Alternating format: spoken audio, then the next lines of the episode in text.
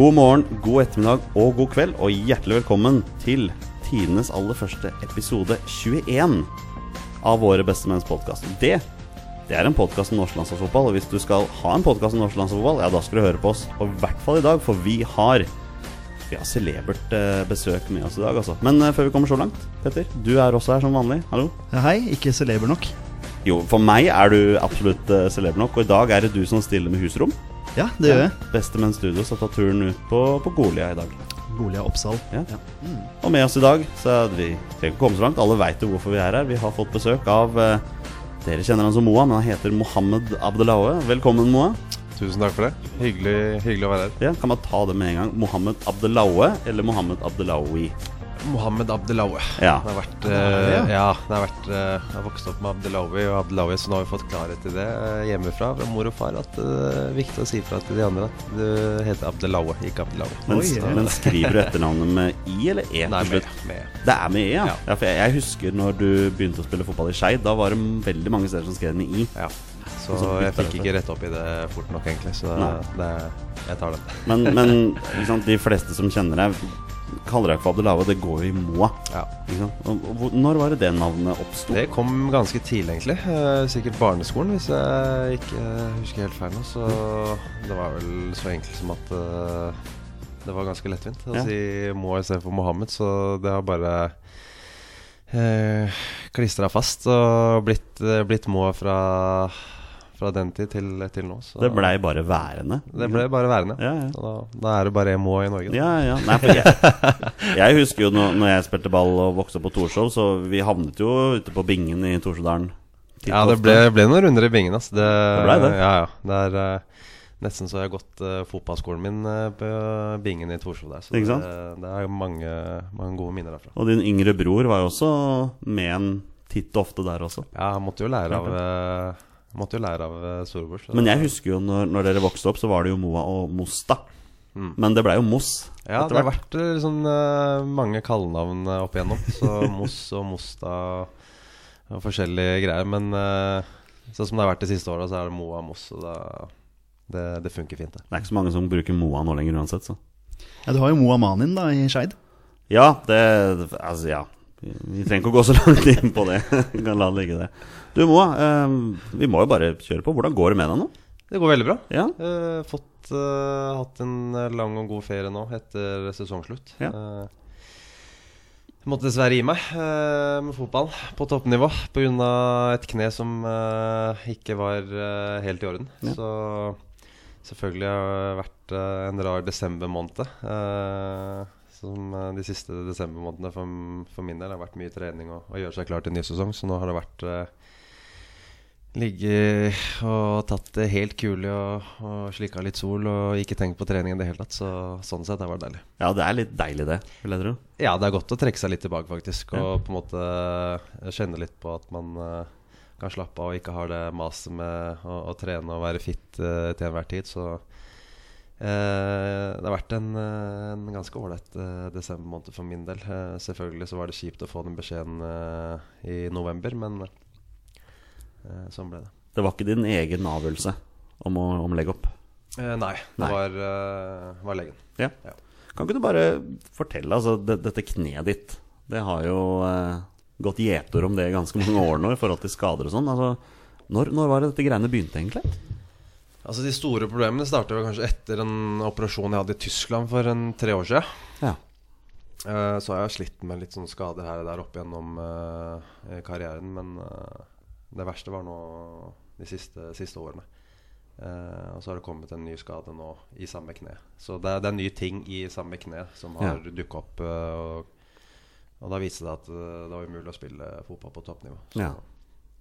Det er bittert. Kjedelig, selvfølgelig. Ja. Eh, men jeg ser tilbake på Ser tilbake på mange gode, gode opplevelser. Selvfølgelig masse opptur og nedtur, men sånn er, eh, sånn er det på og utafor banen. Men eh, jeg har hatt, hatt det helt fantastisk. Ja, ja. Du er jo Eh, Så er det jo selvfølgelig kjedelig å ikke få lov til å gjøre det man elsker. Ikke sant? Du er jo, du er jo fortsatt ung, liksom, så må jeg si det. Ja, jeg føler meg ikke så veldig gammel. Når du sier eh, 'gi deg på toppnivå', vil det si at eh, Hva er planene fremover? Har du noen Da bør jeg kanskje formulere meg litt mer korrekt. Eh, Eller det blir ikke så mye mer fotball nå fremover eh, de neste åra. eh, Sånn som jeg har fått beskjed om. Nå er det bare å ha fokus på å trene seg opp og ha et kne som fungerer i hverdagen. Eh, og så veit man jo aldri, og jeg kjenner meg sjøl at fotball er, det er livet mitt, så jeg kommer nok til å røre litt på meg, men det blir på et veldig lavt nivå og på hobbybasis. Så ikke noe, ikke noe comeback-planer med det første. Nei. Da syns jeg det er relevant. Vi må jo komme inn på et spørsmål som, som egentlig ganske mange har stilt. da siden vi har det her. Men jeg føler at en, en bekjent av både deg og meg, ved navn Anders Vindegg, Ja. Kan nok Spent på det spørsmålet der, Ja, altså. nei, jeg, jeg, jeg tror ikke du er så veldig overraska. At, får, at han får lov til å komme med spørsmål i det spørsmålet er rett og slett Når kommer du tilbake til Skeid, din slabbedask? Ja, slabbedasken kommer. Om ikke så lenge.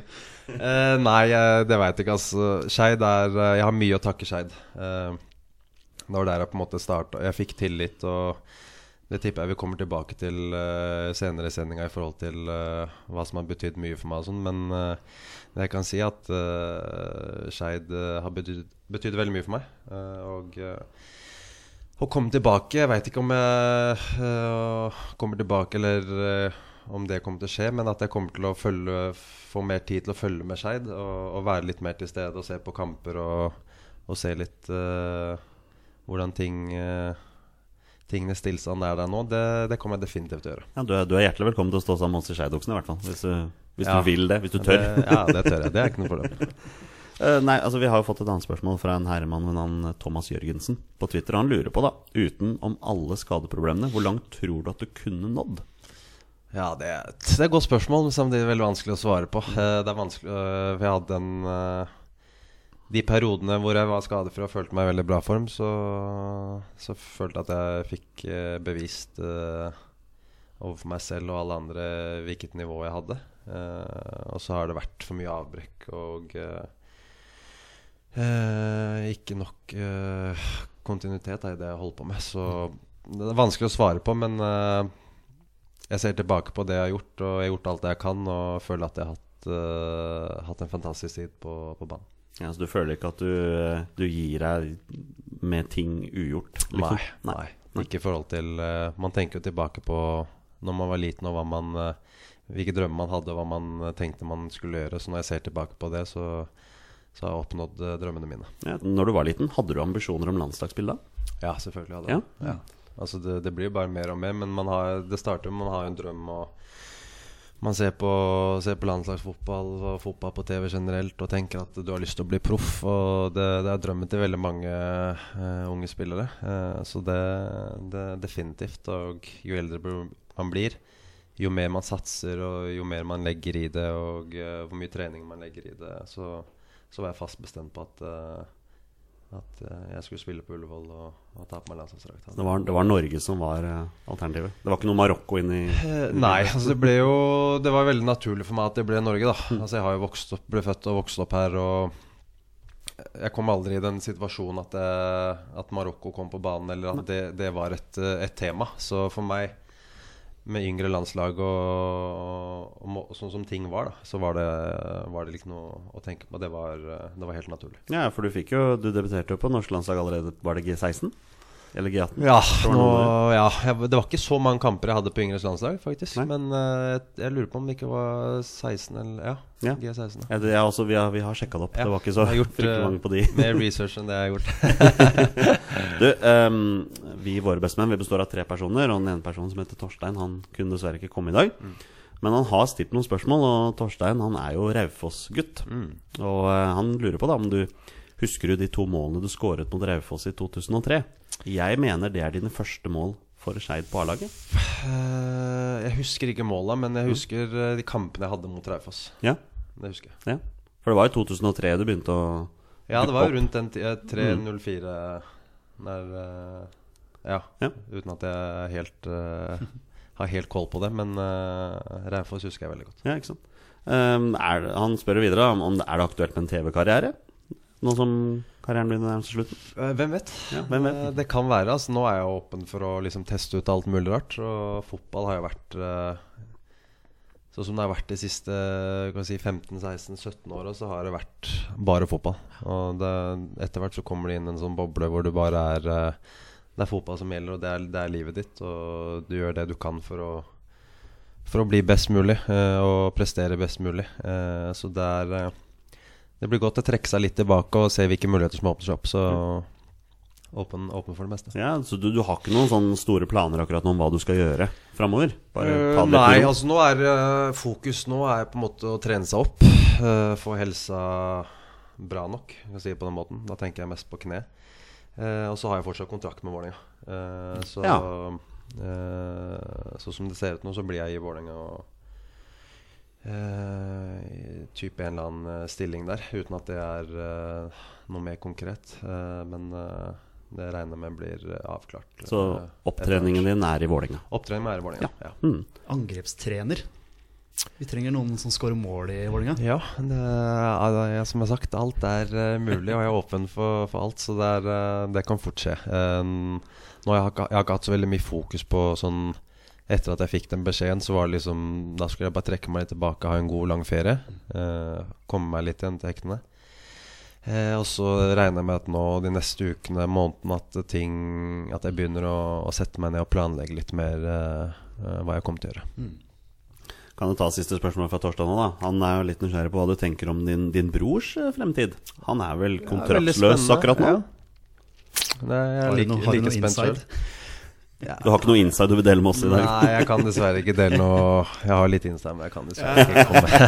oh, ja. Altså, jeg- Hinter, da. Hinter, Jeg da. fikk jo Altså Min familie vi er jo Vålerenga-supportere, eh, så jeg fikk eh, melding fra min far. Spør om Moss om han kommer til Vålerenga. Fikk Mm. Ja, jeg beskjed om. Jeg tror alt, alt, er, alt er mulig. Eh, selvfølgelig, så, som han har sagt selv uh, til media, at han, han håper på noe i utlandet. Og eh, det har vært, eh, vært en del interesse, i og med at han er eh, eh, uten kontrakt og kommer eh, Folk trenger ikke å betale overgangssum for han, så eh, det er en del interesse der. Så jeg tror han eh, sonderer og, og prøver å, å finne ut eh, og ta det beste tilbudet han har fått eh, på bordet nå. Det var vel et vagt rykte på, rykte på Twitter i dag. Det var snakk om noe kypriotisk fotball som kanskje var inne i, inn i bildet her? Leste Ja, det leste jeg om. Ja, du gjorde det, du ja. òg. Ja. Ikke sant? Du, eh, må, vi har jo fått en haug med spørsmål fra lytterne våre her. Vi kan jo ikke svikte våre, våre kjære lyttere. De, eh, og du, jeg ser du er veldig spent nå hva det er de har spurt om. Det blir bra, det. Skal, skal vi kjøre på med den bolken, Peder? ja, da kjører jeg på. Da gjør vi det. Og det er goal! Og det er goal igjen! Og er det Gunnar Halle som blir kreditert 2-0-skåringen? Eh, Du, vi har fått spørsmål på Twitter fra Sindre Haugen. Han spør hvem er den tøffeste midtstopperen du har møtt? Godt spørsmål. Har møtt en del eh, gode midtstoppere. Eh, Jeg kan nevne noen sånn i farta som jeg alt, Sånn uh, Boateng. Hummels. Ja. Mexes Ja. og Alves. Det er kanskje de fire tøffeste som jeg tenker på. De er ganske Særlig Alves var jo et monster. Er ikke, Han akkurat, er ikke mediokre spillere han, er han ikke, her. det er ikke, ikke Altså. smågutter. Men hva med Norge, da? Hvis, vi, hvis jeg kan få stille det spørsmålet. Har du noen, eh, noen ekstra tøffe motstandere i Norge som du liksom har eh? Midtstoppere? Ja.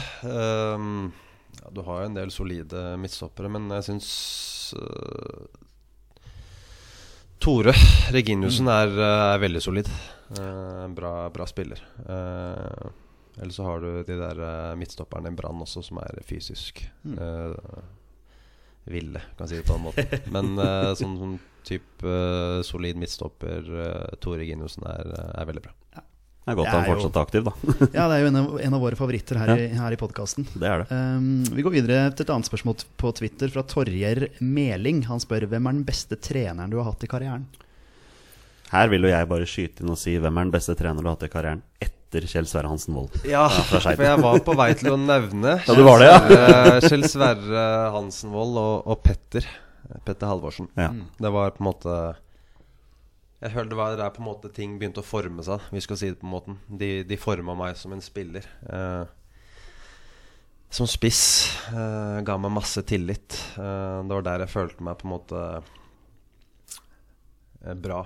Eh, vel. Eh, det, det var liksom uh, Hvis jeg skal nevne ett punkt som var viktig for meg på den tida, så var det tillit og å få lov til å, å spille, prøve, feile og, og hadde masse type spiss, spisstrening. Rolletrening. Så det kombinert med hvordan de både Kjell Sverre og Petter var, så var det, var det maks for min del. Hva med disse trenerne du hadde i løpet av Tyskland-tiden din? Var det noen, noen som skilte seg ut der? Men da er du kanskje Det- mer på en sånn managerrolle? Ja, og det er veldig spesielt, for jeg har hatt uh, i løpet av de fem-seks åra jeg var i Tyskland, så tipper jeg har vært oppe i ti trenere. Såpass, ja. Jeg var i Stuttgart de siste to år, tre åra, så hadde jeg kanskje syv trenere. Så det har vært uh, Ikke lett å ha noen å eh, forholde seg litt, til, da. Litt annerledes enn det har vært uh, hjemme her i Norge. Men jeg må jo si Mirko Slumka, da, hvis, jeg, skal- hvis jeg skal nevne et navn i Tyskland og utlandet. Eh, han, han var den treneren som henta meg eh, fra Vålerenga til Hannover. Ja. Og der fikk jeg jo masse tillit i starten. Og jeg syns også han hadde mange, mange gode trenere, og jeg likte den tilnærminga han hadde eh, inn mot trening og mot Ja. spillerne. Vi hopper til neste. Eh, spørsmål på Facebook fra Eirik Sagen. Han spør tenker du på å bli trener eller bli værende i fotballen i en eller annen rolle. Jeg kommer nok til å bli værende i fotballen eh, i en eller annen rolle. Det, fotballen eh, betyr så mye for meg, og jeg veit at det I hvilken form, det vet jeg ikke. Eh, Men eh, leke litt med tanken om å starte på noen trenerkurs nå. Og, og ha det i bagasjen, så får vi se hva det utvikler seg til. Spennende. Kristoffer Bore spør på Facebook beste landslagsminne før egen karriere. Hva jeg, ehm, Ja, nå er jeg spent, altså. Ja, det er veldig spennende. tenker vi da, da tenker vi Norge, selvfølgelig. Ja. Ja, det vil jeg tro. Ja, for jeg så jo mye på Jeg hadde masse sånn tape eh, fra Brasil og Frankrike. Eh, Samme så som oss, det. masse, masse kamper derfra. Ja, ja, ja. Så det er liksom Bortsett fra Norge, så er det det jeg har sett, eh, sett mest på. Eh, men eh, det er jo et klipp og et minne som, som kommer frem hele tida. Det er selvfølgelig den, den straffa til, til Rekdal, da, som kommer opp uansett. Mm. så hvis jeg skal si noe minne, så vil jeg si den straffa pluss Det var noe sånn Jeg så en del på det, den kvaliken inn mot eh, VM i USA. Mm. Jeg husker ikke da eh, året når det var. Men, eh, 94 ja, VM i USA. Ja. Mm. Alle hadde den VHS-en, vet du. Ja. På den tida. Det var eh. Så det er vel, hvis du tenker på hvordan Ja, fra yngre så er det det som eh, Det jeg tenker på, da. Det er første tanken min. Mm. Uh, Peder Bruknapp spør på SMS Hva er ditt største fotballøyeblikk? Som om du har så få å velge mellom, liksom. Um, cup, eh, Cupen med Vålerenga er selvfølgelig uh, Det er veldig spesielt. Uh, og så har vi uh, da var du god. Ja, den Du og Daniel uh, framme. kan, ikke, kan ikke nekte for det. Nei, det var magisk. Eh, men hvis jeg skal komme på noe her nå, så Hanover. Um, eh, første året, da vi havner på fjerdeplass. Mm. Den beste plasseringa jeg noensinne har hatt. Uh, historisk fjerdeplass. Og at vi, vi kvalifiserer oss til Europaligaen, som ikke har skjedd, uh, skjedd i klubben før. Eh, der vi vinner kvaliken, eh, eller siste playoffen mot eh, Sevilla, som var eh, 100 ganger favoritt eh, før den kampen her. Så eh, spesiell, eh, spesiell kamp og spesiell kveld eh, og natt.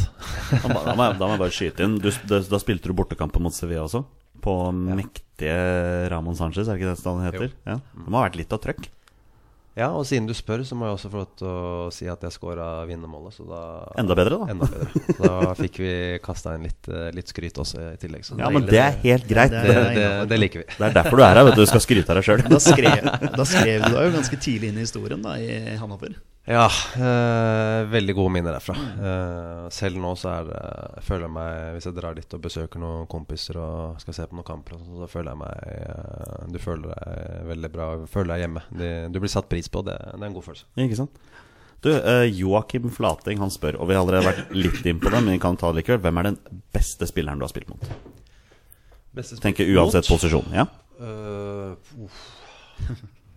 Tenker du har jo møtt Bayern München en Ja, gang eller to? altså, du har jo Ribberi eh, og Robben som eh, Altså I hvert fall de bortekampene mot dem. Eh, jeg tror ikke vi var under eh, Jeg tror kanskje vi har spilt med dem fire ganger på bortebane. eh, og alle var over 4-0. 4-0, 5-0, 6-0, 7-1. Og de to gangene Eller de gangene har eh, de to gutta terrorisert oss. Det, er så, det, er- det er litt spesielt, fordi du ser dem på, på nært hold og, og hva de holder på med. Og det, du skjønner ikke hva de driver med Hvordan, hvordan føler du deg da når du skal være spiss og spille mot Bayern München på bortebane? Da føler du deg kanskje litt hjelpeløs, eller? Ja, altså da Det blir jo veldig vanskelig. I hvert fall på slutten her, når du på en måte Du vet at kampen er ferdig. Da, Uh, da blir det på en måte da, nesten bare litt sånn Se på hva, hva, hva er det de holder på med, egentlig. Bare sånn uh, Du skjønner Du har på en måte innsett at kampen er ferdig, så da Istedenfor å gå rundt og deppe her, så kan jeg heller bare nyte de, de gutta litt uh, på nært hold og se hva de holder på med. Ikke Så, sant. Uh, ja, det er kanskje de, de jeg kommer på sånn i farta. Uh, og så har du Diego, som han Brassen? Som var i, Brassen, ja. Ja. Som var i, i Bremen og Atletico. Og han er kanskje den som på en måte første som jeg la merke til som var på et helt annet nivå. Ja. Men du møtte vel kanskje noen gode spillere med landslaget også? Så er det noen du tenker på der? Ja øh, Jeg burde kanskje tenkt meg godt om før jeg kom hit øh, med tanke på landslaget. Men øh, møtte jo Ronaldo da med Portugal. Det gjorde du, og Ja. vant. Uh, Var det med å vinne med dem også? Ja, På hjemmebane? På hjemmebane, var det ikke? Ja, møtte, det dem, var- møtte dem borte også. 1-0 Da tror jeg tapte 1-0. ja. 1-0 der. Ja. Mm. Eh, ja, det er kanskje han jeg kommer på nå. Ja, nei, det er sikkert mange flere, men øh, ja. Det er ikke bare bare å toppe Ronaldo, det er vel eventuelt bare én mann. Men vi skal ikke inn på den diskusjonen. Men skal vi ta den i samme slengen, da? Den beste spilleren eh, du har spilt med? Altså, han har jo spilt med Daniel Bråten, så jeg føler svaret er jo der allerede. Sant? Ja. Nei, Bråten han er fin. Eh, her i Norge, skal vi si noen spillere, så hadde jeg nevnt Bråten og Fredheim.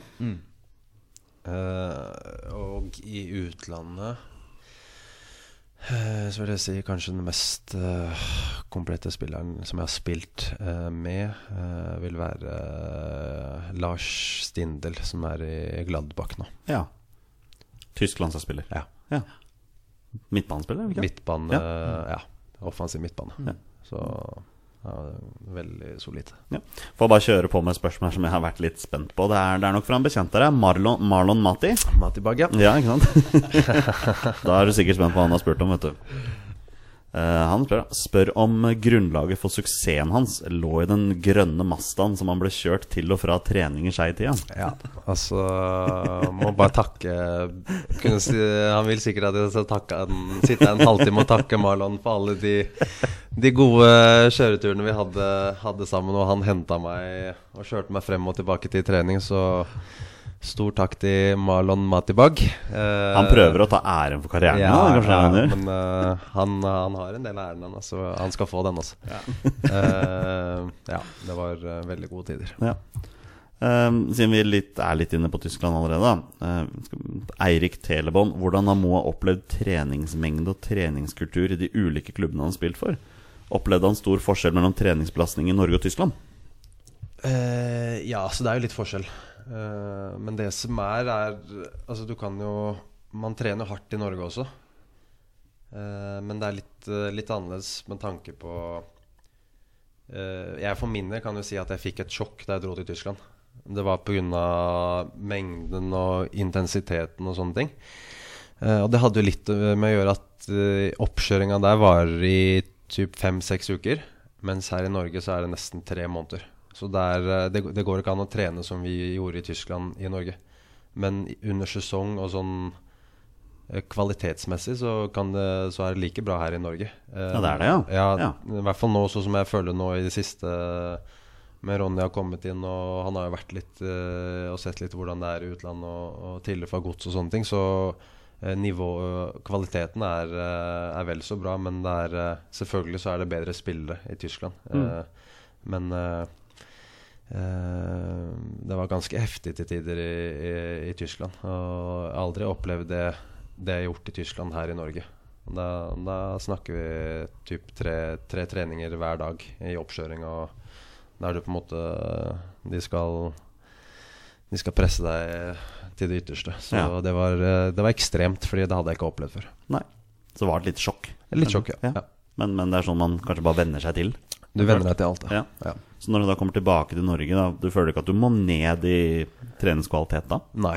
Nei. I hvert fall ikke når jeg kom øh, Sånn som jeg også sier i forhold til nå, hvordan det har vært nå i det siste. Eh, For min del så var det jo For da hadde jeg vært ute en stund og på en måte må bygge meg opp igjen. Så for meg var egentlig alt, øh, alt hardt. Jeg jeg var helt, øh, helt ferdig til tider. Eh, Men øh, du- blir vant til alt, og øh, du føler deg mye sterkere og i bedre form jo, jo lenger du holder deg på beina og, og kan gjøre det dag, un, dag ut og dag inn. Ja. må, vi, har fått, vi har fått så mange spørsmål. Eh, vi kommer til å gå litt videre nå. Men vi har flere spørsmål som kommer etter hvert. Men vi kommer til å dytte det litt inn etter hvert. Så jeg tenker vi bare kjører på litt videre nå. Ja, det kan ikke gjøres vakrere. Et fantastisk norsk angrep. Og Gunnar Halle, han skårer sitt tredje mål for kvelden. Vi må innom klubbkarrieren før vi kommer til landslaget. Og da har vi, siden jeg er Skeid-mann og har er en Vålerenga-mann ved siden her, så har vi delt opp litt i to. Så da begynner jeg. For du begynte jo Jeg vil ikke si at du begynte i Skeid, for det var Hasle Løren som var din første klubb. Jeg var i Haslerne. Ja, når, Hvor gammel var du når du kom til Skeid? Eh, hvis jeg ikke husker feil, så var jeg, tror jeg var en tolv år, kanskje. Ja. Når jeg kom til Skeid. Ja. Det, det var naturlig, for da var det flere av de, de vennene mine og de jeg spilte med, som var i Haslund, som dro til, uh, dro til Skeid. Eh, jeg gikk jo på Sinsen skole, eh, og da Ja, kort vei til Skeidbanen. Kort vei til Skjærbanen, og også kort vei til Lørenbanen.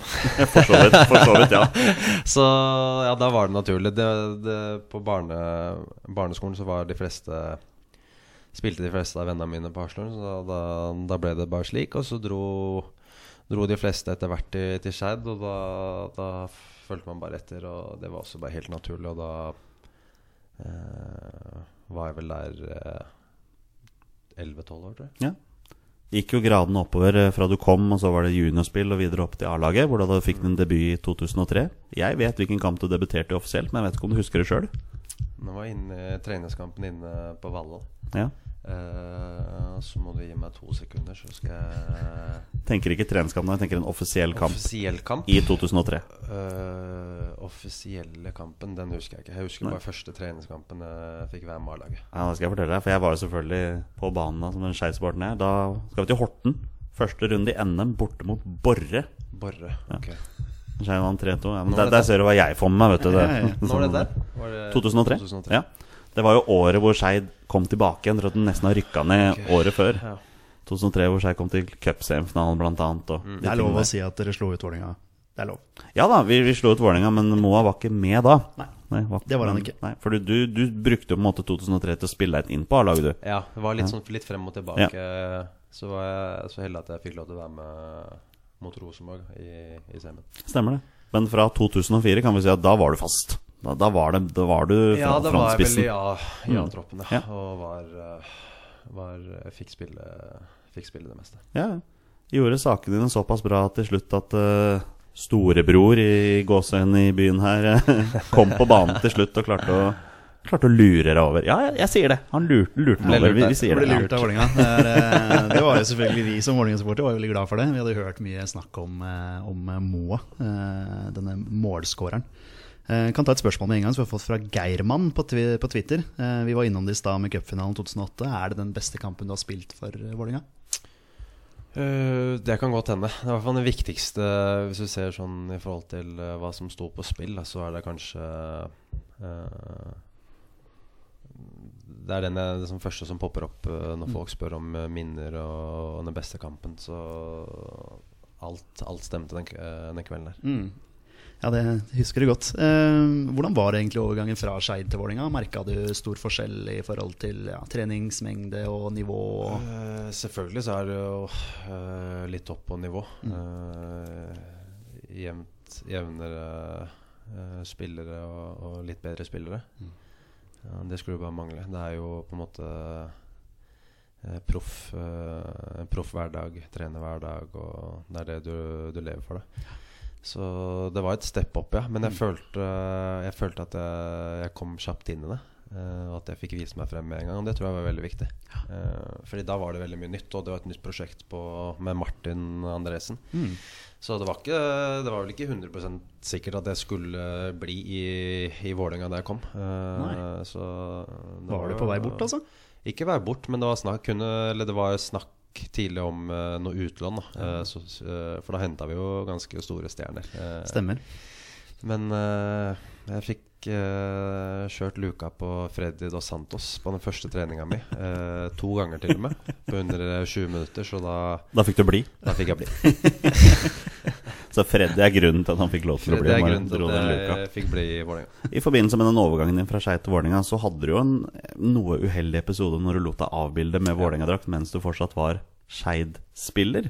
Det blei litt oppstyr rundt det. Mm. Ja, det skjønner jeg. Er det noe du angrer litt på? Ja, så, Ja, så det, er det var jo dumt, men det er jo der og da så tenker du ikke Du, du er bare glad, og du har skrevet ny kontrakt, eller du skal spille for en eh, Det er et steg opp da eh, for min del, og jeg får spille fotball på heltid. Og var bare glad og tenkte Jeg var ikke i nærheten av å tenke på liksom at uh, Det burde jeg ikke gjøre. Selvfølgelig i respekt for supporterne i Skeid. Eh, så det beklager jeg jo rett etterpå, selvfølgelig. Um, det går litt på rutine òg, hvis jeg kan si det på den måten. Jeg, jeg tar den unnskyldningen. Det er greit. Jeg, jeg tar den. Ja, det var det jeg satt og tenkte på. Han var jo ung og urutinert, så det er litt sånn typisk at man kanskje går på en sånn eh, blemme. Ja. Men uh, man lærer, det, det ordner seg. Fort gjort. Så det er bra. Uh, når, jeg, når jeg tenker Moa og Vålinga, så, så tenker jeg Lillestrøm borte. Hmm. Det er, der har du noen gode opplevelser. Veldig gode. 3-0-seier der hvor du skårer to, og en 4-1-seier, husker jeg. Hvor du også skårer to. Ja.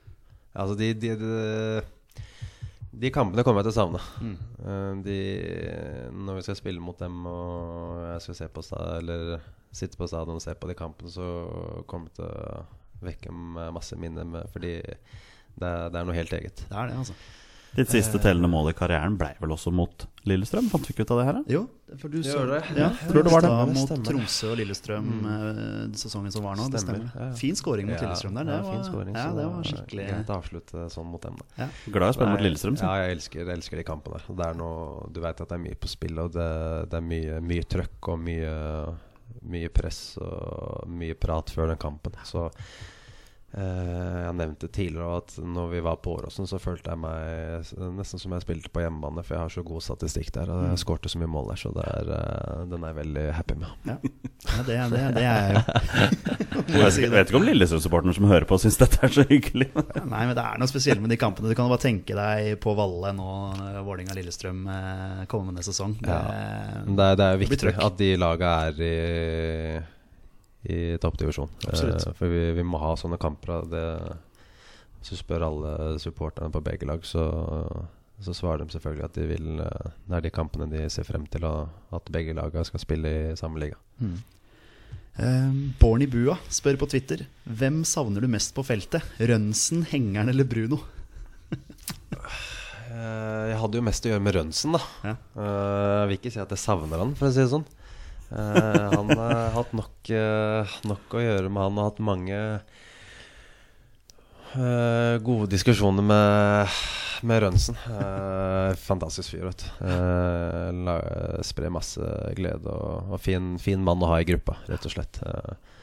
Uh, Hengeren uh, har du oppe på kontoret, og Bruno hilser på.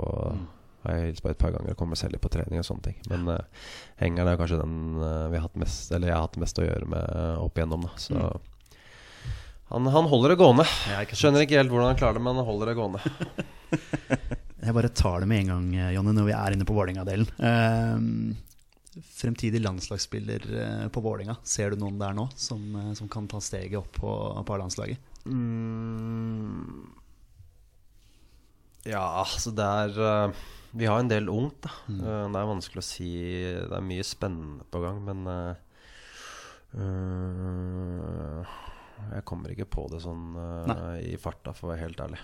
Uh, men eh, jeg tror eh, Sånn som det ser ut nå, så er det mange som eh, kommer til å få mye spilletid i Vålerenga. eh, av de yngre spillerne, for vi har masse bra talenter og, og mye gjort mye bra arbeid på, på yngres avdeling. Så At det kommer landslagsspillere, det er jeg helt sikker på. Eh, men nå i nærmeste fremtid, den uh, er jeg litt mer usikker på. Fra Vålerenga til Hannover. Hvordan var den overgangen? Uh, veldig bra. Ja. Veldig bra. Eh, det er vel kanskje der jeg har de beste minnene eh, fra utlandet. Det var i Hannover. Eh, fikk en fin avslutning og hadde en fin sesong i Vålerenga før jeg ble henta til Hannover. Eh, 2010. Eh, Signa vel i august 2010. Ja, vi må jo bare ta den startkampen. Du får ta den. Vi satt Ja. jo og så den, vi. 8-1. Ja. Det var da du putta fire, var det ikke det? Siste kamp på Ullevål. Ja. dro. Ja. Det var da vi Visste jo allerede da at du Tre var på mål var det. Tre Var det tre? Var det Ja, var det? ja. Nei, jeg prøvde å skryte opp litt. Ja, jeg burde kanskje bare sagt fire. Men eh, visste du allerede da at eh, Før, Nei, det før var- den kampen, eller var Nei, det var etter den kampen? Ja, det var etter. ja. Uh, altså det var, på den tida, og jeg hadde jo gitt uttrykk for at jeg var klar for å Mm. Hvis det skulle dukke opp noe. Og agenten min jobba også aktivt for å, for å få til noe i utlandet. Så jeg visste at det var flere klubber. Sånn, det, det var det nesten Det visste jeg jo kanskje i fire måneder. Da, eh, at klubber kom hver eneste helg og skulle se på Eh, så eh, sånne ting må man også leve med, på en måte det presset. Og, og det syns jeg gikk greit, og det følte jeg at jeg takla fint. Eh, men det var ing ingenting som var klart før eh, etter Jeg spilte vel eh, Start hjemme på Ullevål da jeg vant 81. Uka etter hadde vi Haugesund, tror jeg. Borte. Og etter det så ble det klart. Ja. I sommerferien. Så det gikk fort, da. Det gikk veldig fort. Fra, det ble, fra jeg fikk telefon om at eh, de var i forhandlinger, og eh, til jeg satt på flyet, så var det i underkant av tre dager, tror jeg. To, to dager. Hva tenker du da når du får høre at uh, Hannover er interessert? Er det bare 'yes, kjør på'? Ja, uh, for det var jo litt eh, Altså Det er litt morsomt å se litt tilbake på. Tenke, liksom, det ble skrevet mye rart, og at jeg skulle til bakgårdsklubb. Og eh, det har jo litt med at man ikke veit Altså, tysk fotball var, var jo ikke så populært i Norge. Eh, jeg så jo ikke så mye tysk fotball sjøl. det, det er på en måte engelsk fotball man er vokst opp med. Eh, men de som gjorde research, da, eh, ser jo at eh, det er en stor, stor klubb i, i Tyskland som har 50 000 på hver hjemmekamp. Eh, så det er en helt annen verden eh, å dra til Tyskland og spille fotball enn det er i Norge. Både på og utafor banen. Høres ut som en skikkelig bakgårdsklubb, det der. Ja. Mm, ja. Ja, vi nevnte det jo faktisk i stad. Ja, Vi satt og snakka om det i stad, faktisk. At det var så mye skriverier om det der. Ja, det var litt sånn Ja, jeg skjønte ikke helt uh, hvorfor man skulle dra til Hanover. Og, eh, Det er et greit man er på en måte vant til den eh, engelske uh, ligaen og tror, uh, og tror at uh, spillere som er gode i Norge, skal dra rett til, til England. Mm. Sånn funker ikke. Men hadde du noen andre tilbud? Eh, tiden? ja, det var noe som var konkret, men ikke som var uh, Altså, Tyskland for meg var, uh, var det mest spennende. Og der jeg følte at jeg var uh, For de hadde sett meg, eh, uten at jeg visste det, da, men uh, jeg har fått vite etter tid at de hadde sett meg i halvannet år. Ja, ikke sant. Ja, og det var litt snakk med dem et halvt år i forveien. Der det holdt på å, å bli konkret, og at klubbene var i forhandling, men eh, det, det var helt på slutten av januar-vinduet, så da, da ble det ikke noe. Det er en god trygghetsfølelse for deg da når du får høre at nei, vi har sett på deg halvannet år. Liksom. Ja, så de er, eh, det er bra scout Eller bra opplegg på bare, De henter ikke bare uh, Sånn som jeg fikk inntrykk av ble fortalt, så har de eh, studert meg ganske nøye i ett og et halvt år. Så har du noen gode år i Hannover. Og så blir det jo Stuttgart etter hvert. Der gikk det vel kanskje ikke like bra, men da var det vel noen skader inne i bildet òg? Ja, litt skader, og så var jeg ikke i form og presterte ikke når jeg fikk sjansen. Eh, altså det er, så enkelt er det, og så brutalt er det eh, der nede at du I Hanover så var jeg heldig, eller jeg var i form da jeg kom dit. Eh, jeg tok meg selvtilliten og den flyten jeg hadde i, i Vålerenga inn. Jeg signa onsdag. Eh, det var fire dager før Bundesliga startet. Så da var jeg på en måte i match, eh, matchform, og det, det syns de Det var viktig for dem da de henta meg på det tidspunktet, at jeg var i, i kampform. Så jeg kunne De tenkte ikke på det et sekund, de bare plasserte meg rett uh, i startelveren eh, etter to treninger med laget. Uh, og etter det så Ja. Uh, fantastisk eh, periode eh, på tre år. eh, der jeg sleit litt med det siste halvåret på det tredje året. Men frem til det så var det eh, mange kule kamper. Eh, fikk skåret mange viktige mål og fikk masse tillit og ble en del av laget. Eh, så veldig gode minner. Og så blei det til slutt da avslutning i Vålerenga, da. Det ble det. Ja. Eh, noen, var det noen andre klubber som var aktuelle da? Eller var det naturlig for deg å komme hjem da? Ja, det var noe som var aktuelt, ja. Eh, men da var jeg på en måte eh, både sånn fysisk og mentalt liksom klar for å få tilbake litt, eh, litt av den gleden, litt av tida til å få, få bygge meg opp igjen. Uten at det skal være noe, noe stress uh, fra både Eller utenfra, da. Med uh, blir, blir du fortsatt, hadde jeg fortsatt blitt utlandet, så er det det, det jaget om at du må prestere hele tida. Og du får ikke tid til å bygge det opp. Og ja, da hadde jeg vært ute i nesten syv måneder med, etter uh, kneoperasjon. Så jeg følte at der og da det viktigste for meg var uh, å komme tilbake hit. Få tillit, trene meg opp igjen. For så å ta turen uh, ut igjen hvis det skulle dukke opp noe, noe spennende. Eh, men sånn gikk det ikke. Før vi går til landslagskarrieren, så bare lurer jeg på én ting. Eh, både i Vålinga, Hannover og Stuttgart, så vidt jeg husker, så har du spilt med drakt nummer 25. Ja. Er det et nummer som betyr noe for deg, eller? eh, Det er kult at du spør om det, faktisk. Fordi da kommer vi tilbake til en annen eh, eh, En god venn og en uh, Skeid-legende, vi kan si det på den måten. Og mye av grunnen til at jeg valgte nummeret Om det var bevisst eller ikke, men det var, eh, det var jo pga. han han spilte med nummeret. Eh, det var Bråten. Han hadde 25 i, Nettopp. i, i Rosenborg. Nettopp. Eh, og da kom jeg til Da kom jeg til Vålerenga og hadde noen alternativer. Så husker jeg hadde en diskusjon med Det var Fredheim som på en måte eh, gjorde meg obs på det. Eh, jeg husker ikke hvilket nummer jeg kunne velge, men det var ikke noe sånn kjempesexy eh, nummer jeg kunne eh, hadde å velge mellom. Så da, da sa han at um, Bråten bruker 25, og det er et kult nummer. Så men greit, da ble det 25, da. Og det, den har jeg dratt med meg siden. Så da har jeg krevd det hver gang jeg har dratt til en ny klubb. Kult. Vi skjønte jo etter hvert at det var det nummeret som betydde noe, noe for deg. Jeg synes det var litt morsomt, for når jeg sjekket uh, debuten din på G16 Husker du hvilket draktnummer du hadde da? Nei, men jeg har eh, I Skeid eh, opp eh, så hadde jeg veksla mellom 10 Jeg hadde tieren en periode, 20 Ja. og 18, men jeg husker ikke. Nei, når du debuterte på G16, så hadde du drakt nummer tre. Tre? Ja. Ja, ifølge fotball.no, i hvert fall. Ifølge fotball.no så hadde du dratt med tre. Så. Som spiss er det flaut. Ja, den er kjip. Ja, det er kjipt, ass. Det har du bare glemt. Ja, det, det er bra at jeg hadde glemt, egentlig. Ja, altså. Men på landslaget så har du vært nummer ni. Det har vært typisk eh, Det var aldri aktuelt med 25 der, kanskje? eller? Nei, jeg følte at det, At ni var uh, Tenkte jeg skulle prøve litt uh, Prøve nierrollen, og uh, da var landslaget en uh, Da var det fint å på en måte prøve ut det der.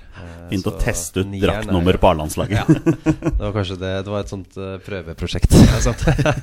Jeg ser jo at tida begynner å fly fra oss her, så jeg lurer på Vi er jo tross alt en landslagspodkast. Skal, vi- skal vi begynne å snakke litt landslagsfotball, eller? La oss gjøre det. Ja, da gjør vi det. Det er goal! Har dere sett maken? Gøran Sørloth skårer for Norge! 12 minutter før fulltid! En fantastisk skåring! Husker du, husker du din A-landslagsdebut? Eh, det var vel Irla, eller mot Irland, på Ullevål, Stemmer det, stemmer det. eh, I 2008. Drakt nummer ni, vet du. Det var ni der òg. Ja, Ja. Da har jeg lyst til å quize deg litt. Husker du hvem du spilte med? Husker du de norske spillerne på det laget? Uh, må jeg tenke litt her.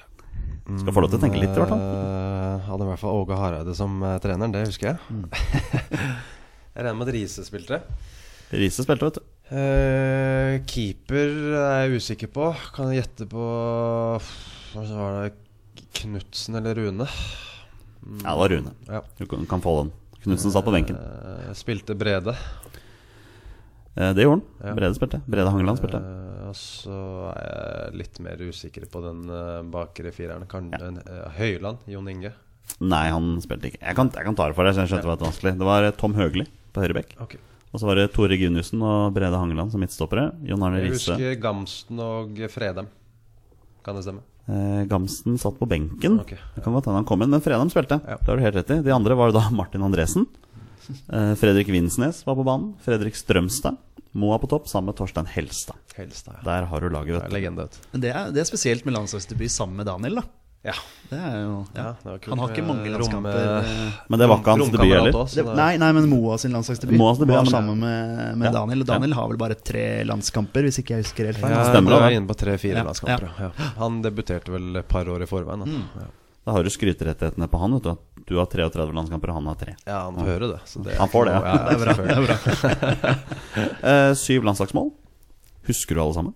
Mm, jeg burde jo det, for det er ikke så veldig mange. eh, men jeg husker noen eh, mer enn andre. Ja. Eh, så hvis jeg skal nevne de jeg husker Nei, lov, det er det vi prøvde å få fram. Da. Om Ja, ja. du kan nevne dem. Må bare tenke litt her, og da uh, Island borte, Mm. for det var en viktig kamp uh, i kvaliken. Island hjemme uh, i 90. minutt. Uh, det er På 0-0 straffe. på straffe. Og den kommer vi inn på igjen, for å si det sånn. Ja, det stort øyeblikk. Og eh, Tsjekkia hjemme Mm. med de to måla. I hvert fall det ene målet var, var jeg veldig fornøyd med. Da får du komme med fasiten, du da, Petter. Er at Du har vel alle sammen foran deg her? Ja, Um... Ungarn borte, husker jeg. Stemmer det? Kroatia borte. Ja, nå, nå er den god, vet du. nå er den Nå god. er Nå er den god. Nå, nå, nå ser jeg Ja, du har Island borte, ja, som du sier. Uh, ifølge lista her så er det første landslagsmålet, kan det stemme? Borte mot uh, Island. Eh, det kan godt stemme. Ja, 2-1-seier. Uh, vi lå vel under 1-0 der, tror jeg. Uh, og du skårte vel muligens 2-1-målet, kan det stemme? Ja, jeg mener Brede også skåra. Ja, Brede skårte. Det stemmer. det stemmer Og så bortekamp mot Kroatia, da. 2-1-tap. Eh, og så Tsjekkia-kampen, som du sier. Da skåra du to. Eh, og så Norge-Island. Hjemme 1-0. Straffe i krysset. Var vel det altså det alltid var ledig i krysset? Var det ikke det? Alltid ledig der. Alltid. Borte, bort- to mål borte mot Ungarn i 2-0-seier der. Og så uh, skåra du ett mot uh, Sverige. Borte. 4-2 eh, 4-2-tap. Stemmer det. Stemmer Var det da Zlatan skåra fire? Han, jeg vet ikke om han skåret fire, men han skårte i hvert fall. Ja, det var tre eller fire. Tre eller det var i hvert fall hat trick som Ja. han skåra fire. Ja. Det kunne Nei, det, det, det hadde vært typisk Zlatan. Ja. Det var vel da Stefan Johansen debuterte på landslaget og hadde en uheldig tversoppasning etter sånn 30 sekunder eller noe sånt, som blei ble mål. Men, men, men det er jo ikke det vi skal inn på nå. Bare, eh, av alle disse målene, hva er ditt favorittmål? Uh, Vi håper jo på at du skal si straffen. Ja, altså sånn av betydning og Mm. hvor viktig det viktigste målet er uh, Island. Uh, og den jeg kjenner på i forhold til uh, Jeg veit at det er i det 90. minutt, og det er en veldig viktig kamp. For det er vel rett før vi møter Danmark borte, tror jeg. Stemmer det? Eh, så der Heldigvis så tenkte jeg ikke så veldig mye i forhold til hva som sto på spill. Det var bare å legge ned ballen og, og sikte ned i hjørnet, som jeg gjorde. Og så gikk den helt rolig opp i krysset, så da Så det du sier, det var bare tilfeldig at den gikk opp i krysset? Ja, altså Jeg kjenner meg sjøl, så jeg vet at hvis jeg sikter nede, så går den opp. Eh, det, er, eh, det er også en eh, ferdighet. Det er, det er en fin innrømmelse å komme med. ja, Den, den det er greit å komme nå, for nå er jeg, Ja. nå er jeg lagt opp. Så det er Har ikke så mye å si nå. Jeg har ikke så mye å si. Så det er da du liksom kokk i intervjuet etterpå sier at det er alltid ledig i krysset. Ja, det er ledig i krysset, så Egentlig så sikta jeg nede, men ja, gikk greit opp. Full av adrenalin og masse sjøltillit, liksom. Ja. ja, den, Nei, vi husker den godt, vi òg. Så det var uh, Av betydning så var uh, den jeg husker, uh, husker mest. Også den, det ene målet mot Tsjekkia uh, syns jeg var en god prestasjon. Er det den når du går, kommer inn fra sida, så bare setter den i motsatt? Jeg tror Ja, ikke jeg Tsjekk rei- jeg forbi tror ikke Tsjekk kasta seg engang. To, gjennom to spillere, og så Ja. i nærmeste hjørne. Nærmeste hjørne. Mm. God kamp. Jeg husker jo veldig Island-kampen godt, og det gjør du også. Vi, Ja, vi sto jo Vi bak sto mål. bak der du skåra. Mm. Ja. Det Nei, ble det, mål var, det var spesielt. Ja. Så vi har noen interessante spørsmål her, men, men jeg har et spørsmål som jeg har lyst til å stille. Eh, du har jo vært landslagsspiller under tre forskjellige landslagsstevner. Mm. Både Åge Hareide, Drillo og Høgmo. Hva vil du si er de mest markante forskjellene på de tre? Jeg vet det er et vanskelig spørsmål, men det er greit å spørre. spørsmål. Det er, eh, altså det er tre forskjellige trenere og typer også. Uh, Åge fikk jeg ikke jobbe så veldig mye med. uh, men han var den første som, som tok meg inn i varmen og, og ga meg debuten min. Eh, veldig klar og tydelig, eh, og fin å prate med og eh, eh, kunne være streng og på en måte høylytt, liksom men du hørte etter eh, når han prata. Eh, oser respekt av han, på en måte. Eh, altså alle, du oser respekt av alle tre, egentlig. Men eh, med Egil så er det Han uh, var fantastisk i en sånn måte at han var flink, han var flink til å motivere folk. Uh, fikk, uh, fikk spilleren til å tro på alt. Veldig enkle, korte beskjeder og var flink til å bygge opp både spillere og, og laget da, inn mot, mot kamper. Så Da gikk vi ut eh, etter enkeltsamtaler og etter lagmøter så gikk man eh, ut med, en, eh, med mye mer selvtillit enn det man hadde før man eh, kom inn der. Så, og så er han eh, en herlig fyr utafor Utafor banen. Så Egil hadde jeg jo veldig mye med å gjøre. Så eh, ja. Gode, gode minner. Jonas Ramsrud spør på Facebook hvordan var det egentlig å spille under Drillo. Eh, Var det, var det mye langballer? Kalk og løp? Ja, det var jo litt, men det var jo ikke noe Så vi prøvde jo å spille, da. Uh, men uh, det er jo Alle vet jo hvordan Egil hadde lyst til å spille, og det var jo å se fremover. Og som spiss så er jo det helt perfekt. Jeg hadde ikke noe problem Selv om ikke min største styrke var var i lufta, men absolutt alle Eller de kampene jeg spilte, og Eh, hvis vi hadde noe type plan eh, Eller de gangene vi skulle snakke om hvordan kampplanene og sånn vi hadde, så var det å spille meg opp på fot eh, eller i rom eh, langs bakken. Eh, så det var jo ikke eh, Han har vel har fått det ryktet på seg å slå langt, og det var kanskje litt tidligere, men da jeg var det, så følte jeg ikke at det var eh, at det var fokus, eller at det var planen om å bare slå langt på, på spissene. For det, for det var det ikke. Han ville ha ballen hurtig frem, og det, det er en forskjell. Deilig for en spiss, da. Ja, du vil jo ha mye å gjøre hele tida. Ikke Så Uh, spillestilen til, uh, til Egil passa meg helt perfekt. Ja. Må, det, er, det er kjempegøy å, være- å ha deg her. Du, du har så mye godt på hjertet. Jeg ser tida begynner å renne fra seg her, og du har med deg noe som vi skal igjennom. Men vi må, vi må ha noen tanker om dagens landslag også. Eh, Jeg regner med at du følger litt med på hvordan landslaget Du følger litt med på landslaget? Ja, jeg ser litt på. Jeg har jo fortsatt uh, noen kompiser her, Ja. så det er kult å følge med. Og da har vi et spørsmål fra Eirik Telebånd. Vi var litt inne på det i stad også, men han vil jo gjerne ha noen eh, råd fra eksperten Moa her, da. Som tross alt vet hva han driver med. Hvilke grep mener Moa må gjøres for at landslaget skal komme på det nivået de ønsker? Hvor mye av ansvaret ligger på spillerne selv versus landslagsledelsen? Altså Selvfølgelig så er det jo spillerne. Eh, Det er jo de som skal ut og prestere. Så det, og så må du ha Det har man eh, nå som et, eh, et bra trenerteam. eh, eh, som, har hatt, eh, som har erfaring og som har hatt eh, med Lars, som har vært eh, eh, gjennom eh, alt han har vært gjennom med landslaget. Men hvilke grep, det, det tror jeg er vanskelig å si. Jeg tror det viktigste er at du har spillere som er, spiller på et høyest mulig nivå. Og da i utlandet i gode ligaer og på lag, eh, der du får matcha deg mot eh, eh, i internasjonal sammenheng eh, hver uke. At, du kommer, at du har spillere som kommer hjem igjen til landslaget med, med 90 minutter internasjonal fotball på et høyt nivå. Og det det, det er pri én, eller i hvert fall sånn som jeg tenker. At du øh, Så ikke det blir et sjokk når du skal spille, for det er, øh, det er forskjell på klubb og landslag. Hva tenker du om framtiden? da? Tror du vi kommer til eh, mesterskap? Jeg tror, ja, det, det tror jeg. Mm. Fordi jeg ser at det er, det er masse bra spillere. Vi har masse bra spillere. Vi har en del ungt, og vi, eh, vi kommer til å bruke noen år på, på å bygge opp det laget og, og komme oss til et sluttspill. Mm. Når det blir, det vet jeg ikke, men eh, eh, det har mye å si med hvordan eh, den, type, den generasjonen som kommer opp nå, og neste, eh, hvilke steg de tar på på banen, og eh, om de får spille og kommer seg til utlandet eh, og får spille kamper, eh, som er det viktigste. At de, de er i form og de har gode, gode opplevelser. Eh, Og da ser du nå Hvis jeg bare trekker frem Sander eh, Berge som et eksempel, som jeg har spilt med sjøl, som, eh, som jeg veit hvor god er. Uh, og det nivået han tar når han drar til Belgia, og også de kampene han har fått på landslaget. Så det er, uh, det er mye spennende på gang, og det kommer mye som, mange spillere som er på hans alder, og, og, og under han også, som eh, kommer til å prege landslaget fremover. Sander Berge er jo en spiller som er veldig Ikke bare aktuell, men veldig favoritt hos oss også. Men jeg har lyst til å spørre, hva tenker du om Martin Ødegaard? Jeg tenker at han eh, At det, han har fått eh, Eller det er mye Sånn som jeg ser utenfra, så er det veldig mye mas og prat rundt eh, Det blir litt mye? Ja, altså det er i hvert fall Det er min følelse. Jeg kjenner jo ikke Martin eh, personlig. Jeg har bare sett han eh, eh, Hatt et par treninger med han på landslaget. Eh, eh, hvor du ser, du, der du ser hvilke kvaliteter han har, på en måte. Eh, han, bli, han er jo knallgod, men han kommer bare til å bli bedre og bedre.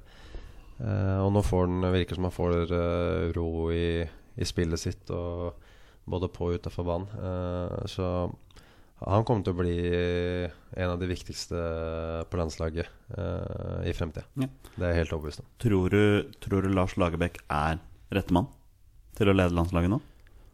Ja, altså det er jo mange gode trender der ute, men akkurat nå så tror jeg det var, eh, var riktig valg. Uten at jeg har så veldig mye sånn eh, kompetanse eller uh, kjenner, uh, kjenner Eller veit hvordan NFF tenker i forhold til det. Men hvis du tenker erfaring og hva han har gjort med de landslagene han har vært på, så er jo det Så er det det beste man kunne få nå. Ja.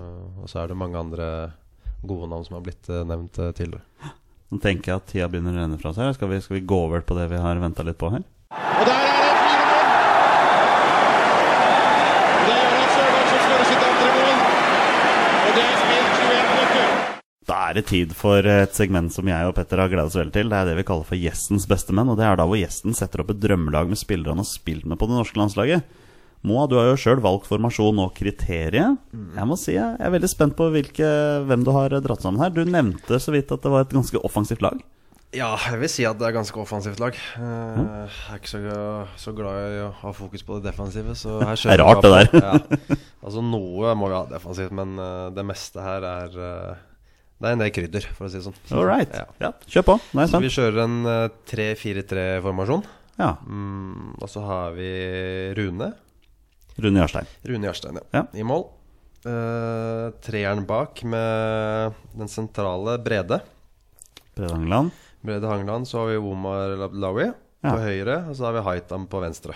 Ja, da har du to Brede blir mye aleine der, tror jeg. Brede blir, eh, kommer til å skrike mye eh, og bli hes på For han får ikke De to gutta der, de, de løper til måneden tilbake. Får så, får så mye støtte av de gamle Skeid-gutta, vet du. Ja, ja. ja. bare, før du går videre, jeg må nevne Omar. Du er jo i slekt med, med Omar. Ja. Han var jo ganske offensiv når han var yngre. ja, veldig Det er litt rart å se en som Beck, kanskje? Eh, ja, det er kanskje derfor han har blitt en så god back. da Ja. Eh, For han har tatt Han er fotballklok og har tatt eh, det defensive også etter hvert, selv om det var litt utfordringer i starten. Ja. Men så som du ser, det er bare å se på hvilket nivå han spiller på nå. Mm. Det er Champions League, og han har vært kaptein og visekaptein og det som er i den en av de store klubbene i Europa. Så du spiller ikke der for, eh, for ingenting. Så Nei, det, er, ja. det, det er veldig bra. Jeg ser for meg Brede jage de to gutta tilbake Ja, igjen. Ja, absolutt. Kom dere tilbake. Ja. Hva med resten, da? Uh, så i den dype uh, har vi Tetti. Tetti, ja. Mm. Var innom Skeid, da nå. Ja. Så her tar jeg også eh, tanken bak laget her også. De, de gutta som jeg har vært mye med da, eh, på landslaget, og de som jeg klikka bra med. Mm. Så det er eh, ikke bare helt eh, sportslig eh, uten å prate stygt om er, dine, Tetti her. er dine kriterier, dette her, altså? Så, men Tetti han styrer den defensive der. Ja. Muren bak der. Eh, og så har vi Det er en type diamantformasjon her. Eh, og så til Som indreløper så har vi Per Siljan. ja. Eh, Tariq Elunussi. Inne på sentraler, ja. Ja, Ja, på indreløper. Ja. Venstre indreløper. Ja. Fredheim Holm i den eh, øverste av den fireren. Ja. Typ eh, en tier eh, i den diamanten der. Herlig lag allerede. Eh, og så har vi Bråten på høyre. Mhm. Altså de tre gutta Det er liksom Der, der har du krydderet. Uh, viktigste lagdelen. De har frie tøyler. De gjør hva de vil. Uh, det er Bråten på høyre, og så har du Karev uh, sentralt. Jaha. Ja. Midtspiss. Ja. Og så har du Moa på venstre som, som kaptein. Skulle til å si Ja, det. som kaptein, ja. Det er bra. Det er bra. du hadde ikke fått lov til å sette på laget uten å sette på Nei, sjøl. nei, det, det skulle bare mangle. Så jeg har jo selvfølgelig en fri rolle å, å styre showet der, så det, det er greit. Jeg, bare- jeg ser for meg det laget her på banen bare kose offensivt, så ser du Brede stå bak og bare Brede står alene, faktisk. Ja, de gjør det. Brede og Rune må rydde opp Rune, eh, bakerst. Så, ja. Det var et helvete for laget å spille mot, det laget der. Bare Ja, det- offensivt overalt. Det hadde vært krydder, det der. Offensiv altså. er det beste forsvar, er det ikke det de sier? da? Jo, jo, jo. Det er noe med det. Vet du hva, Moa? Tusen takk for at du kom. Dette har vært en fornøyelse. Veldig hyggelig å være her. Eh, Det er rett og slett kos meg. Håper du har hatt det bra. Ja, jeg koser Ja. meg. Veldig bra. Mange bra. gode spørsmål. Ja, tusen takk, altså. Det setter vi eh, kjempepris på. Nå, nå får dere en ny lytter, så det, det er Ja, kult. ja. Herlig. herlig Du får spre ordet. Ja, jeg skal gjøre det. jeg skal gjøre det Ja, takk skal du ha, Moa. Veldig bra. Og det er goal! Det er 2-0 for Norge! Og det er Jan Åge Fjørtoft som skårer sitt første VM-mål! Det var, det var Moa, det, Petter. Ja, for en, for en fantastisk mann. Ja. Det må jeg si, altså. Jeg må lov si det. Jeg har kost meg i dag, altså. Ja, det har vært eh, kjempehyggelig. Det er eh, bare det å høre han fortelle og, om karrieren sin. Det, og så er han bare verdens hyggeligste person i tillegg, så Ikke sant? ikke sant? Ja. jeg har kost meg. Moa måtte dessverre, måtte dessverre forlate oss litt tidligere enn jeg hadde planlagt i dag. Men uh, Petter, du veit hva som kommer. Hva er det som kommer nå? Du, det er, det er en liten lek. Ok. Det er, det er et lite spill. Det er noe som vi har likt å gjøre litt før. Ja. Ja. Det er på tide med en runde med 20 spørsmål. Yes.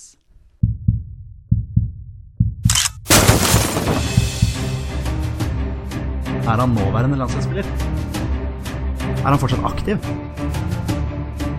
Har han spilt for Rosenborg? Mine damer og herrer, det er nå tid for 20 spørsmål.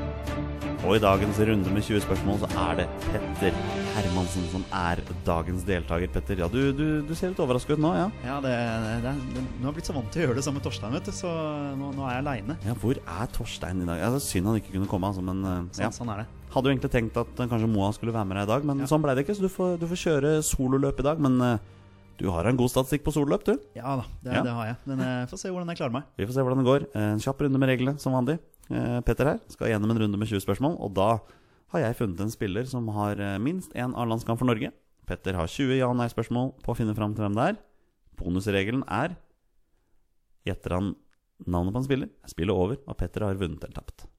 Da er det bare å kjøre i gang, Petter. Vær så god. Takk for det. Uh, er han aktiv? Ja. Oi! Han er aktiv fotballspiller. Oi, oi, oi. Uh, jeg ble nesten litt satt ut. ja, jeg så det. Det ble satt ut. Eh, har han over ti landskamper? Har han over ti landskamper? Jeg skal bare nititte litt Kjøre en på liten kontroll, eh, kontrollsjekk. Ja. Ja, ok. Så, ja, siden du sa det på den måten, så virka det som han hadde ganske mange over ti. Eller kanskje han bare hadde elleve. Prøver å lese ut ifra måten jeg svarer på her. Ja. Ja, Interessant. Uh, ja. Uh, prøver meg på en posisjon. Ja. Skal vi se. Er han midtbanespiller? Det er han. Han er det, ja. Aktiv Så du, du måtte bli kvitt Torstein Bjørgo for å treffe på Treffe på den igjen. Ja, jeg hadde en ganske god statistikk der en periode. Ja. uh, Det hadde du. midtbanespiller som er aktiv eh, Skal vi se, jeg må bare tenke meg litt om. Har han uh, ja, Han spiller nå. Jeg spiller han i Eliteserien nå? Ja. Ja. Det er jo fristende, selvfølgelig, men over ti landskamper. Midtbanespiller. Ja. Den kan jo tenke, siden vi har hatt Moa her, at det er noe Vålerenga-relatert. Det må ikke nødvendigvis være det, men uh, uh, Har han uh, spilt for Vålerenga? Ja.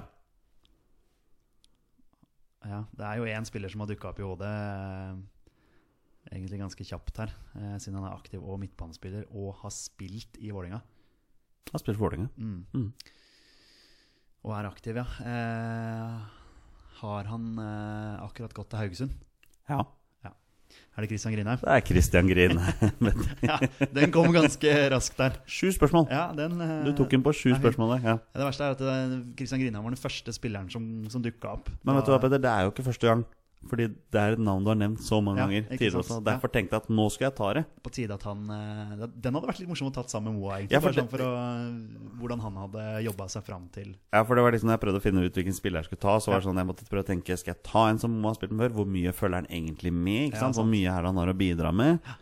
Sånne ting. Så jeg tenkte ja, det er naturlig å ta en som, eh, som han har spilt med ja, før. og En som vi sannsynligvis hadde klart sammen. Da. Det er litt hyggelig at gjesten får det til også. Ja, ja, ja, klart det. Men, men det betyr jo ikke at du, du tar jo æren for dette her nå. Ja, ja, akkurat nå gjør jeg det. Men eh, ja, Christian Grindheim, det var eh, ja, den kunne jeg kanskje klart på færre spørsmål. Da.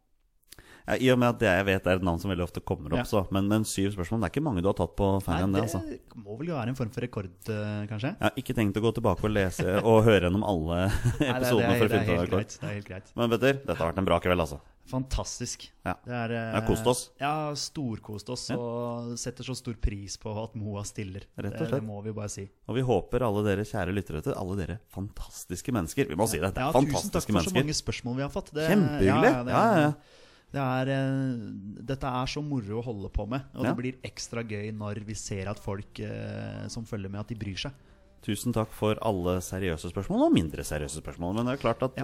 for meg så det ut som Moa koste seg i dag. Moa koste seg, og det sa han jo til oss også. Etter, Ja. at, han, eh, etter at vi var ferdig med å spille med han, så sa han jo det at dette hadde vært gøy. Ja. Så det må vi jo tro på. Jeg tror Moa var ganske fornøyd. Jeg er ganske fornøyd. Du ser ut som ganske fornøyd. Veldig fornøyd. Da er det vel på tide å gi seg. Tusen takk til alle som hører på. Vi er våre beste menn. Heia Norge. Heia Norge! Og hei!